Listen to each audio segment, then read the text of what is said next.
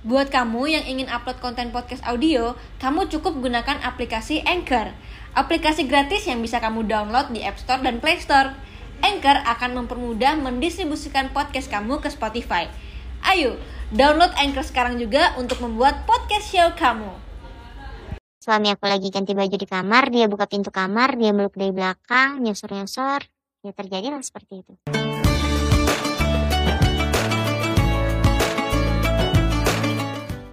Halo Mbak. Halo.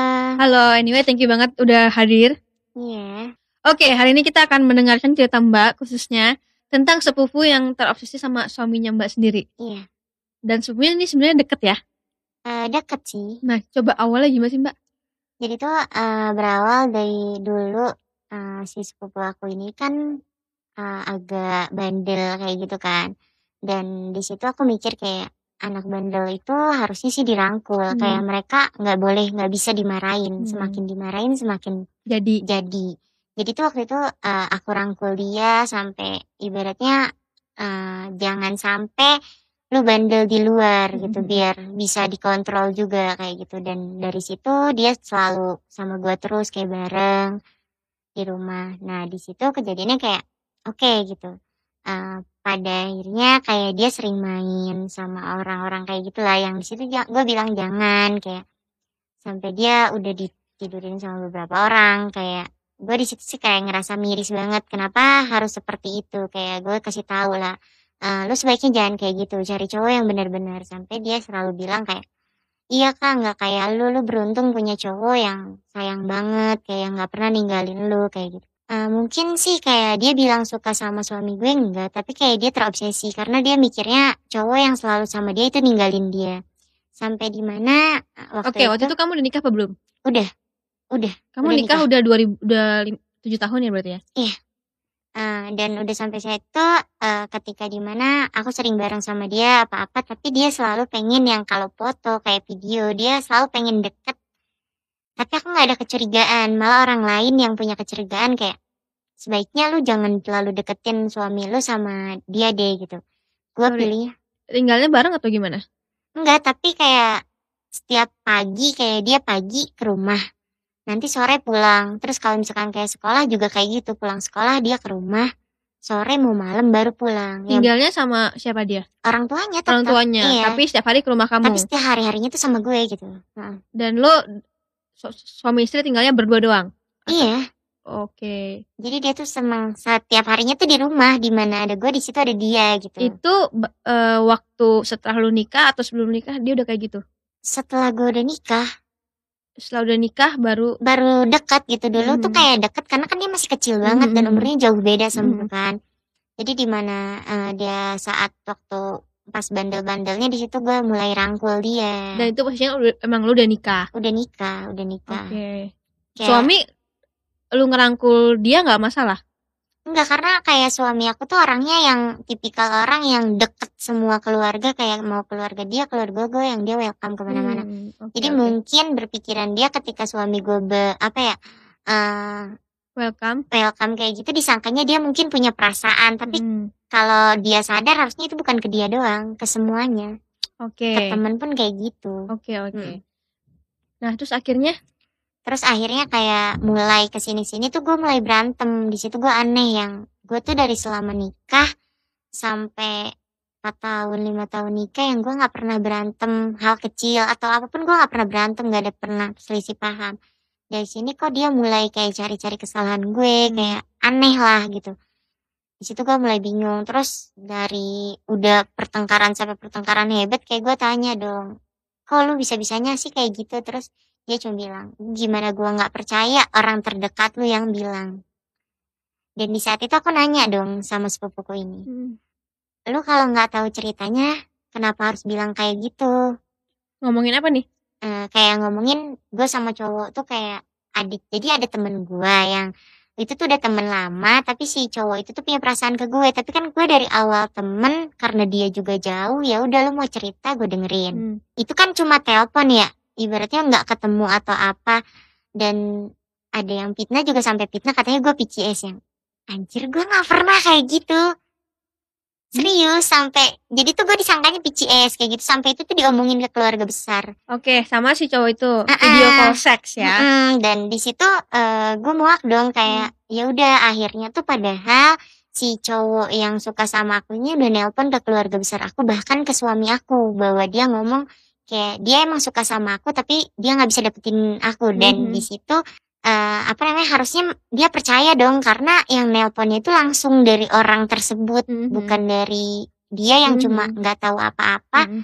yang nggak tahu cerita bilang kayak gitu ya udah di situ ya udah deh gitu kan yang aku udah males udah terlalu banyak ikut campur sampai keluarga besar kayak gitu akhirnya aku cut aku bilang kalau misalkan lu nggak mau talak gua lu tetap cari kesalahan gua gua nggak mau mendingan gua yang ke pengadilan gitu ngurusin buat semuanya akhirnya dia mau talak tapi masih ngejar-ngejar nih Si suami kamu ya. iya Itu di tahun berapa? tahun kemarin Tahun kemarin. Iya. Dan di saat itu kayak eh, yang ngejalani hubungan tuh maksudnya aku sama dia kenapa harus ikut campur tangan sampai Sepupu. keluarga bers keluarga besar semua. Tapi kan yang ngaduin sepupu kan? Iya sepupu sama dianya jadi dianya tuh kayak yang diperbudak sama si sepupu aku ini makanya aku bingung kok bisa bisanya lu diperbudak eh, kayak lu diterprovokasi lah.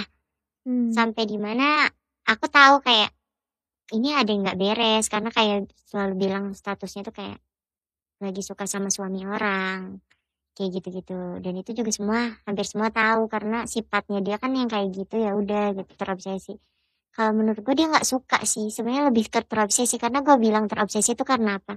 Karena dia mikirnya cowok yang sama dia akan ninggalin dia. Tapi kayak dia iri sama hubungan gue sama suami gue. Yang baik-baik aja. Iya sebenarnya kayak dia tuh anak baik. Kalau ibaratnya cuma dia salah karena mungkin pemikirannya juga belum dewasa kayak sayang sih kalau dia masuk ke jalur yang salah tuh kayak itu tuh salah gitu dia nggak bisa bedain. Yang penting dia bahagia gitu yang nggak bisa dia cari jalannya yang mana. Dan di saat gue udah talak itu barulah gue tahu karena dia minta terus buat eh, rujuk kan cuma satu gue bilang kalau emang lu mau rujuk satu aja yang nggak gue tahu lu jujur gitu.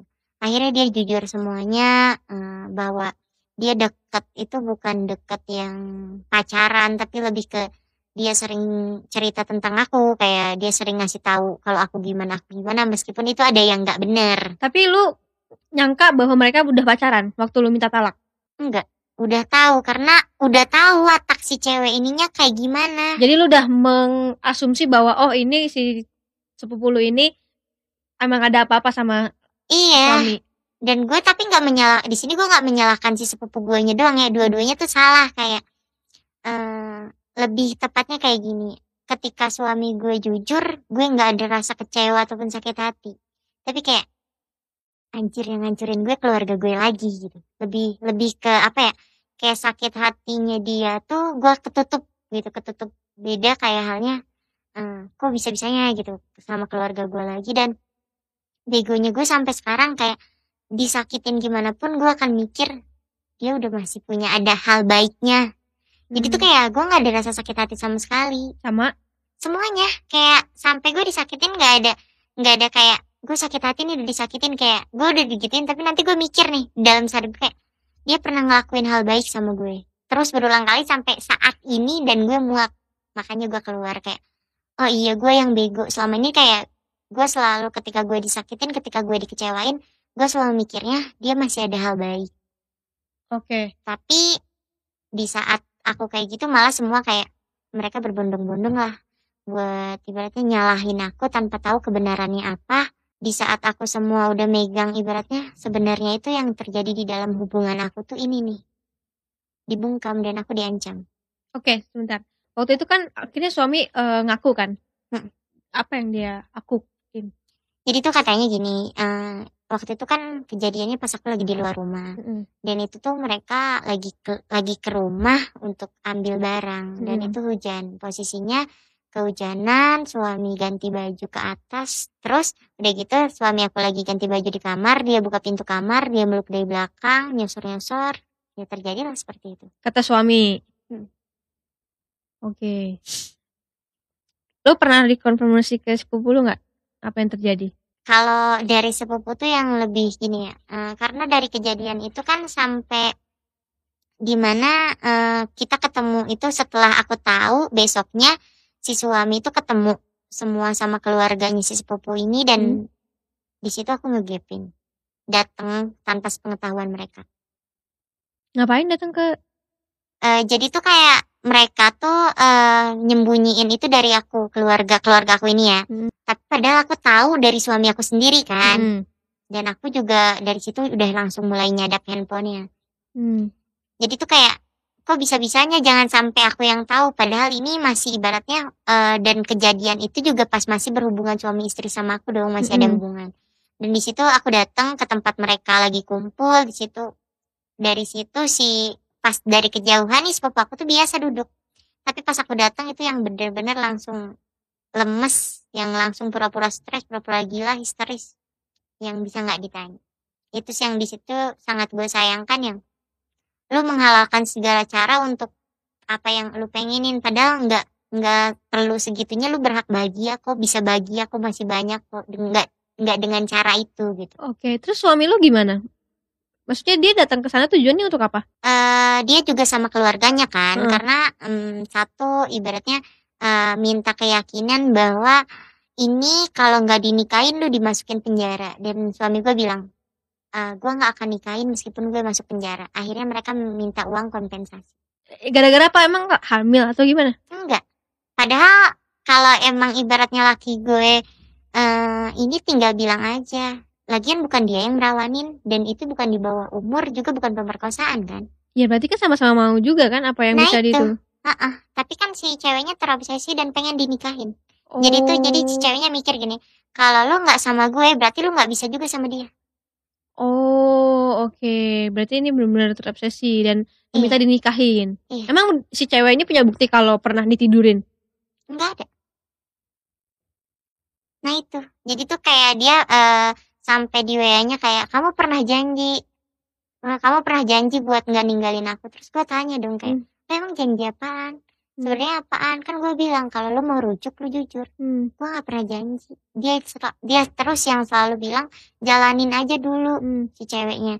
Dan ketika si laki gue bilang gue sama lu juga nggak akan bisa bersama meskipun gue sama dia udah bisa uh, udah jauh ibaratnya lima tahun enam tahun gue udah bisa sama dia dan gue sama lu juga nggak akan bisa sama. Jadi ngiranya dia mungkin dengan cara si laki gue ngebalesin chatnya dia itu Mungkin. Ibaratnya itu ngerespon, tapi kenapa sih cowok gue kayak dia nelpon diangkat, dia WA dibales. Karena dia kayak Orangnya gitu tak enggak takut dari setelah kejadian itu dia lebih katanya takut untuk dia bilang ke gue. Hmm, karena dia salah. Iya, di situlah mereka nyari kesalahan gue. Oh, oke. Okay. Nah, setelah itu uh, setelah akhirnya kumpul keluarga itu penyelesaiannya apa? Cowok gue tetap nggak mau. Tetap nggak mau. Nggak mau. Dan itu histeris yang benar-benar itu di uh, setelah dari situ pindah ke tempat ke rumah gue dan di situ di mana semua histeris dan semua juga nyalain gue dan di situ gue ya ambil pikir kok bisa bisanya gitu jadi semua datang ke situ kayak kakeknya dia bukan satu kakek yang satu kakek sama gue kayak kakeknya dia orang tuanya dia kayak datang ke rumah gue buat nenangin itu anak dan semua nyalain gue dan itu anak masih sering ke rumah lu setelah kejadian itu? Enggak. Tapi dia kayak apa ya? Uh, ke keluarga besar tuh kayak dia yang dirangkul saat ini tuh kayak nggak ada tuh yang nanyain kayak gue gimana, gue gimana nggak pernah ada yang nanyain. Uh, lebih tepatnya kayak dibilang tuh gue diancamnya jangan sampai keluarga besar tahu tentang ini. Sampai lu mulut lu buka mulut tentang hal ini lu mati. Itu siapa yang ngomong? Bokapnya. Keluarga besar berarti semua keluarganya Keluarga lu dan keluarga dia dong berarti ya? Iya. Sepupu itu. Gak boleh ada yang tahu. Gak boleh ada yang tahu dan sampai gue capek yang gue bilang kayak gini. Gue dari dulu bungkam, gue dari dulu nggak pernah speak up tentang keluarga gue, gue turutin gitu sampai di mana ketika mereka tahu mereka tetap diem akhirnya yang terdekat gue gue bilang dong tapi gue chat dan ternyata salah gue kira tuh gue sebenarnya nggak pengen di nyari pembenaran ya lebih tepatnya pengen dipahami pengen di ngertiin doang gitu. Selama ini tuh yang kalian nilai nggak seperti itu gitu. Tapi semua diem karena di mereka takut. Nggak ada yang ibaratnya ketika gue ngasih tahu itu respon mereka nggak ada yang sampai kok bisa bisanya enggak bener-bener diem semua. Oke. Setelah kejadian itu eh hubungan lu sama suami gimana? untuk saat ini kayak hubungan biasa deket tapi bukan untuk menuju ke rujuk ataupun apa yang untuk rujuk gue nggak ada berpikiran saat ini untuk ke situ sih. Tapi kan lu tadi juga sempat goyang juga bahwa lu pikir mungkin suami lu juga nggak pernah anggap itu gitu. Iya yang gimana ya? Eh kayak bener-bener untuk memulai suatu hubungan meskipun sama orang lama kayak gue harus sembuhin dulu mental gue ini gue nggak bisa Bener. mikir di situ. Karena kalau sekali nanti lu menerima lagi ya lu harus siap dengan Hmm. segala nggak enak di hati. Kan Nah, lu pasti kepikiran yang lama-lama juga kan iya itu lebih harus di apa ya gue tuh kayak hmm, paling nggak suka tuh ketika satu doang sifat dia tuh yang meskipun dia nyakitin gue kayak gitu tapi satu yang nggak gue bisa terima dia tuh selalu mencari kesalahan gue tanpa dia berpikir kesalahan dia tuh apa gitu Hmm, iya iya iya, gue paham sih. Tapi eh sekarang kondisinya gimana nih? gue keluar dari rumah dan belum ketemu sekali sama keluarga besar gue dari semenjak kejadian itu gue belum pernah ada lagi ketemu sama mereka Lu keluar dari rumah karena kayak apa? Yang trigger lu akhirnya ah gue cabut deh. apa ya kayak udah gue bilang kayak gitu nggak ada yang respon gue yang di situ gue berpikiran ternyata selama ini keluarga gue toksik kayak mereka eh, apa ya ngebedain banget yang benar-benar kayak nggak ada sama sekali ke gue tuh ngerasa memahami gue nggak bisa dipahami di sini akhirnya kayak gue keluar eh, gue kerja gue nggak balik. Cuma orang tua gue doang yang tahu kayak gue di mana dan adik gue yang lainnya nggak tahu. Oke, tapi kan lu tinggal berdua dong sama suami. sekarang. Oh enggak, waktu sendiri. Waktu oh waktu itu waktu itu enggak enggak masalah. Waktu itu cuma berdua. Kalau sekarang tuh tinggal sendiri karena udah cabut. Pas sebelum cabut? Dari semua sama suami kan? enggak kan langsung talak langsung cabut. Oh langsung cabut. Setelah Oh, tahu tinggal dulu di rumah orang tua ternyata di keluarga juga toksik, mm, terus lu cabut sendiri. Mm. Oh, oke oke, gue paham. Terus suami sekarang gimana? kerja sih cuma Udah nggak pernah kontak lagi? kontak biasa berhubungan cuma kalau apa ya eh, bukan untuk rujuk atau apa ya udah gitu berhubungan baik kayak gitu doang Lu nggak pengen rujuk? enggak kayak eh, bukan enggak sih kayak lebih tepatnya gue belum memikirkan itu Hmm. untuk berhubungan baik kayak masih ya udah gitu kayak kontak kayak kas eh, apa namanya kabar gitu kayak misalkan ketemu misalkan dia eh, ada nih ke tempat kerja gue ya Hmm. udah gitu biasa kayak jalan ya udah biasa cuma kalau untuk menuju ke rujuk gue masih belum ada di fase itu Terus sepupu lu gimana sekarang? gue nggak tahu dan di situ gue semua hilang kontak sih kayak gue nggak pernah nyari tahu tentang mereka lagi kayak buat apa gitu Berarti kesimpulannya tadi kan triggernya adalah lu video call seks sama temen lu. Hmm. Itu semua karangan dari sepupu. Udah valid belum? Iya sepupu si laki gue sudah bilang sepupu Hmm. om gue sama keluarga-keluarga gue yang lain kayak gue ke kamar mandi sering bawa handphone lah ke kamar mandi kan emang gue dari dulu bawa handphone Mm-mm. karena gue sering telepon angkat telepon terus pas gue ke kamar mandi bawa handphone dikira PCE kayak yang nggak perlu harusnya lu tahu sebelum sebelum apa ya sebelum sama lu juga gue ke kamar mandi gue kebiasaan gue bawa handphone kayak gitu Mm-mm. kan ya itu sih yang oh ya udah gitu Berarti itu semua fitnah. fitnah kalau untuk PCS ya tapi Hmm. kalau untuk telepon deket ya emang deket Hmm. tapi kan karena emang jauh belum pernah ketemu dan eh, ketika misalkan kayak gue nanya nih kayak lu kenapa kayak gitu ini semua bermula dari lu lah gue nggak ada hubungan apa pun gue nggak pernah ketemu ibarat kata kalau gue selingkuh lewat telepon pun lu bales dengan lu berhubungan badan dengan sepupu gue itu nggak sebanding dong. Oke, tapi aku mau tanya, hubungan kamu sama itu sejauh apa? sejauhnya kayak jujur gue punya rasa nyaman karena gue nggak pernah didapetin dari pasangan gue atau keluarga gue jadi dia memperlakukan gue yang nggak per- gue nggak pernah dapetin. Tapi kalau untuk menuju ke serius kayak oke gue cerai gue nikah sama lu nggak ada Hmm. yang karena kayak yang gue bilang gue nggak pernah bisa cerita apa pun ke keluarga atau ke pasangan atau ke teman terdekat tapi kayak gue ke dia gue bisa cerita anehnya itu yang dari setelah gue cerita gue lega kayak gue tenang dan malamnya itu gue bisa tidur Dan itu terjadi setelah lu menikah kan? Iya. Bukan dari dulu kan? Kalau traumanya gue sih dari dulu. Bukan, maksudnya kalau Hmm. yang eh, sama itu mantan atau apa? Nggak Temen. bisa dibilang mantan sih sebenarnya nggak ada yang lu mau nggak jadi pacar gue nggak ada. Cuma yang kita eh, dari berawal dari temen dua tahun kayak gue punya rasa nyaman dia punya suka sama gue tapi gue tolak juga. Heeh.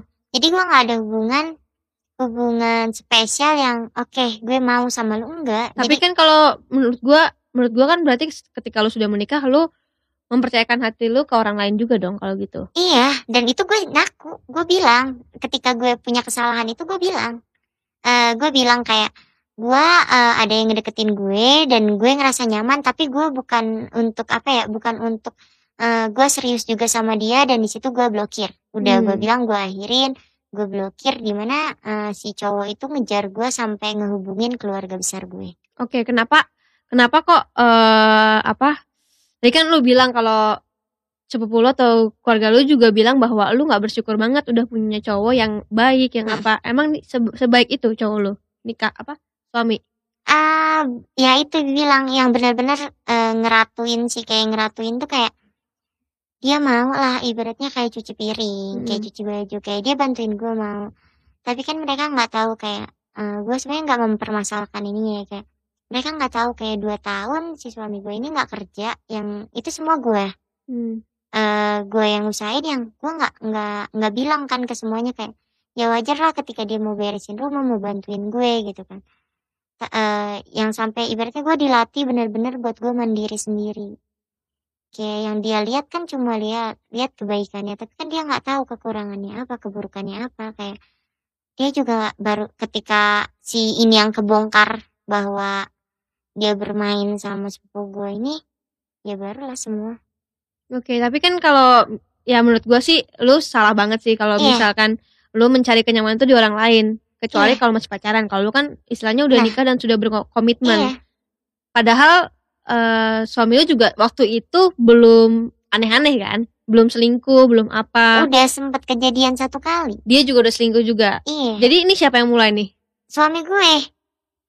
Jadi kalau dia tuh bener-bener selingkuh yang eh gue nggak tahu sih selingkuh gimana, tapi gue emang ngegap kayak chatannya kayak gitu yang bener-bener eh, orangnya ada dan Hmm. kenapa gue berani ketika eh gue hmm, apa ya sebenarnya kayak gue memanfaatkan si cowok ini karena kayak gue pengen nih trauma gue hilang mental gue hilang gue pengen tenang gue gimana ya gue pengen lega kayak gue pengen cerita bisa cerita tentang apa yang gue rasain tentang gue yang alamin tapi gue nggak bisa nih ke orang terdekat gue. Dan di saat dia eh kok gue bisa ya cerita? Ya udah gue cerita dari situ ke dia gue cut gitu kan. Ya berarti Hmm. gue eh, memanfaatkan dia untuk gue pengen cerita doang biar gue lega gitu kan.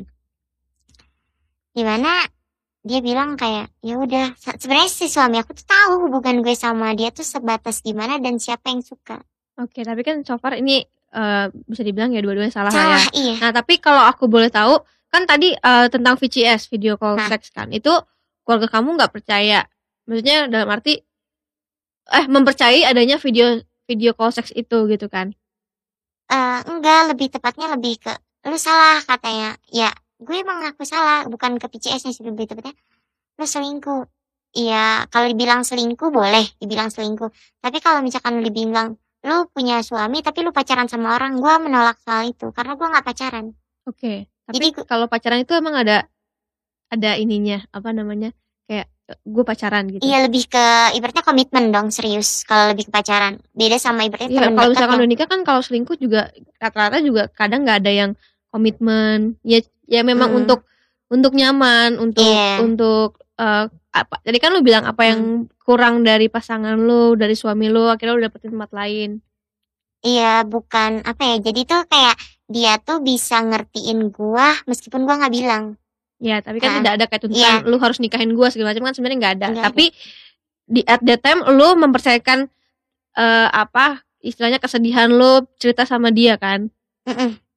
Eh, dia lah yang lebih tepatnya kayak eh kayaknya lu ada masalah ya gitu Hmm. yang ya udah sini cerita yang di situ kayak gue belum pernah digituin dan akhirnya kayak gue bisa terbuka Oke. Soal video call seks ini berarti triggernya fitnahnya dari sepupu lo. iya sama dari om gue Om lu kenapa bisa? jadi kan gitu. eh, dulu tuh emang eh, gue apa namanya sering kayak eh bukan tinggal sih kayak dia sakit kan nah gue tuh sering ngurusin kayak bolak balik ke rumah sakit kayak gitu gitu dan gue diem di situ kayak gue pulangnya kadang seminggu sekali gue ke situ ya nah di saat itu kan eh, gue sering kalau ke kamar mandi kan gue bawa handphone Hmm. karena emang setiap sebelum gue nikah pun dari dulu ke kamar mandi gue selalu bawa handphone dari situ ketika ada isu itu ya dia bilang ya dia paling juga PCS kayak kan ngomong paling kayak ke kamar mandi buat telepon paling video callan di kamar mandi yang Hmm. Berarti ini pure sih. fitnah dari sepupu terus dikonfirmasi dari om karena dia lihat lu masuk ke kamar mandi bawa handphone istilahnya Iya, gitu. heeh. Oke, tapi bukti apa pun nggak ada tentang PCS ini. nggak ada Nggak pernah dari sepupu juga nggak pernah ngasih ap- bukti apa pun ke suami ya. enggak dan si cowok yang temen deket gue ini juga udah konfirmasi kalau dia nggak ada hubungan nggak ada hubungan apa pun sama gue tapi emang dia bilang dia punya perasaan dia mau serius tapi gue nya nggak mau itu udah dikonfirmasi ke keluarga besar gue Oke. sama si temen deket gue Oke, ini. tapi itu kan sebenarnya juga menjadi trigger bahwa ketika suami lu digodain orang lain, mungkin bukan sepupu, tapi mungkin Iya. cewek lain itu juga suami lu ya ada trigger karena lu udah kayak gini-gini dong. Iya nggak? eh, eh, lebih tepatnya ketika ketika gue ngakuin salah kayak oke gue ada salah nih karena gue deket sama cowok Hmm. meskipun itu jauh dan meskipun itu nggak ketemu gitu Hmm. kan kayak eh gue nggak nggak bilang kayak sebelumnya dulu juga yang bermula ini awal laki gue yang bawa cewek ke rumah kayak setelah udah bawa cewek ke rumah baru ketahuan isi chatnya.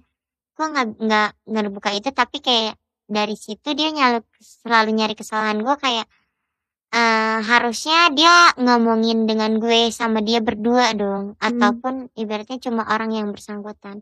Ini tuh enggak kayak mereka eh, sepupu gue sama laki gue ini yang dia konfirmasi semua. Kayak ketika ada masalah sama gue dia lari ke tempat om gue kayak bilang gue kayak gini gue kayak gini kayak gini terus dia lari lagi ke tempat tante gue dan dia semua kelilingin keluarga besar gue itu yang menjadi kayak lu sebenarnya salah Jadi sekarang kondisinya suami sama sepupu juga nggak bareng kan?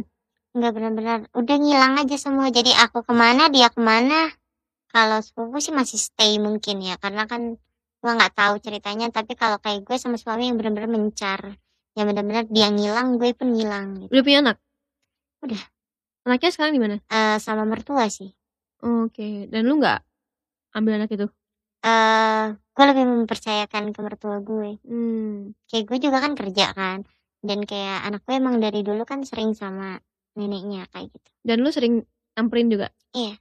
Oke, jadi sebenarnya tadi yang lu bilang bahwa hubungan lu sama suami sebenarnya hmm, masih baik lah ya. baik-baik aja tapi kalau untuk menuju proses rujuk itu belum ada Dia mau rujuk atau enggak tapi? mau banget tapi gue yang belum bisa tetap nyari tetap WA ngechat WA kayak kamu jangan tinggalin aku kayak Hmm. gitu gitu Tapi sepupu semenjak yang kejadian di sidang itu tetap eh, obsesi atau ya udah? tetap masih eh, jadi tuh dia kayak DM Instagram kayak kontak kayak nelpon kayak masih ganti nomor kan harusnya disuruh ganti nomor kan Nah, Mhm. Dia ganti nomor untuk ngehubungin kayak kenapa kamu tinggalin aku kayak banyak gitu dan gue punya bukti sih sebenarnya kayak chat-chat itu ada juga Tapi laki lo emang bener-bener nggak mau kan sama dia. nggak mau Oke, tadi kan lo juga bilang bahwa nggak ada keluarga yang ngedukung akhirnya lo sendiri kan? iya Dan lo bilang bahwa lo dikecewain lagi sama keluarga. Hmm. Emang pernah dikecewain juga? Jadi tuh waktu dulu gue kecil, eh, tapi gue udah inget dong. Gue ingetnya ketika gue SMP apa yang dilakuin ternyata itu salah yang waktu itu kayak gue dipaksa suka dibukain baju kayak gitu-gitu. Itu pelecehan seksual sih kalau udah gue sekarang udah ngerti itu namanya pelecehan seksual. Kalau dulu gue nggak tahu. Yang gue cuma takut gue kesakitan. Itu doang yang gue rasain. Tapi setelah eh, banyak orang eh, apa ya yang ngiranya mungkin lu cuma dipegang-pegang doang.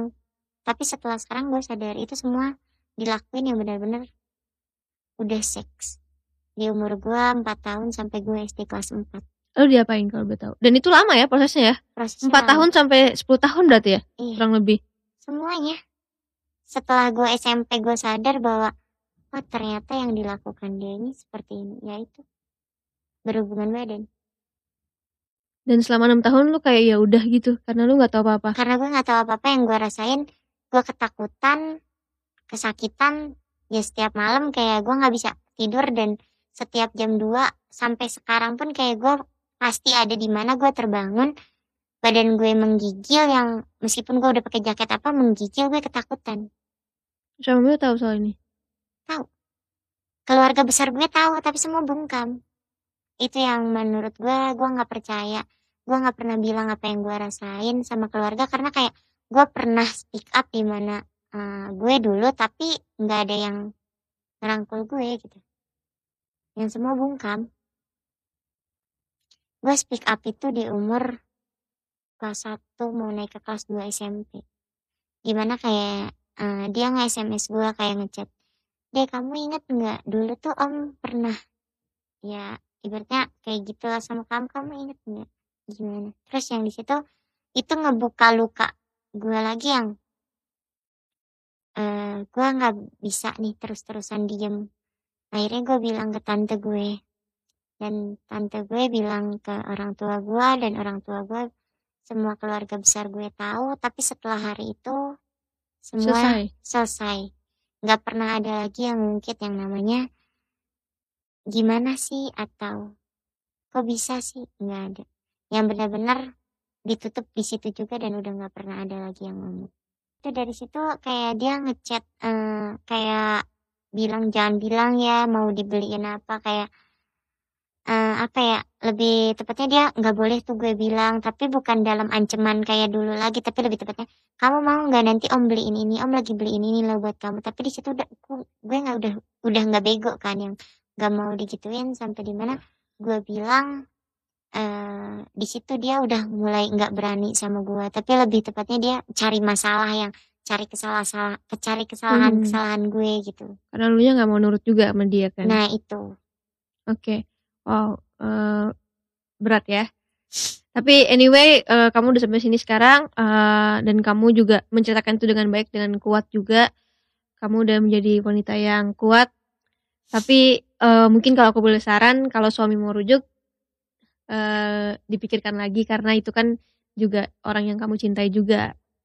Hmm, iya. Dan tapi tapi bener kata kamu, kamu harus benerin dulu hatinya, harus Ah. dimaafin dulu, diikhlaskan. Sebenarnya udah ikhlas. Udah hati tuh udah udah menerima dia dengan baik. Cuma kayak mental aku ini yang aku nggak bisa kontrol emosi aku sendiri. Iya, dan itu ya maksudnya harus dibersihkan dulu. Iya. Jadi tidak ada luka lagi. Jadi akarnya harus dicabut dulu Iya. biar nanti eh, dan dua-duanya harus berkomitmen ulang Nah, untuk untuk terus gitu. Berarti sebenarnya eh, belum cerai secara pengadilan ya? belum. Baru agama doang tapi juga tahap satu ya. Iya proses. Oke. Oke. Thank you banget untuk sharing-sharingnya. Semoga dengan ini makin banyak yang terbuka pikirannya. Tapi Hmm. memang sebenarnya eh, tidak ada yang salah untuk merangkul keluarga ya. Iya. Itu mungkin eh, niat baik kamu juga. Jadi menurut aku itu itu bukan kesalahan juga eh, tanpa tanpa tubuh kamu juga kalau emang harus seperti ini akan seperti ini Iya. terus jalanin hidup dengan baik dan juga buat teman-teman di rumah semoga dengan video ini kita juga banyak bisa belajar sampai ketemu di video berikutnya Nonton sampai habis ya, makasih ya. Jangan lupa follow Instagram aku di sini dan nonton video lainnya di sini.